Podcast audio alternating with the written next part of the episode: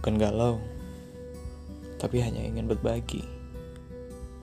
Setidaknya orang lain tahu bagaimana rasanya menjadi kita, dan kita pun tahu bagaimana rasanya menjadi orang lain.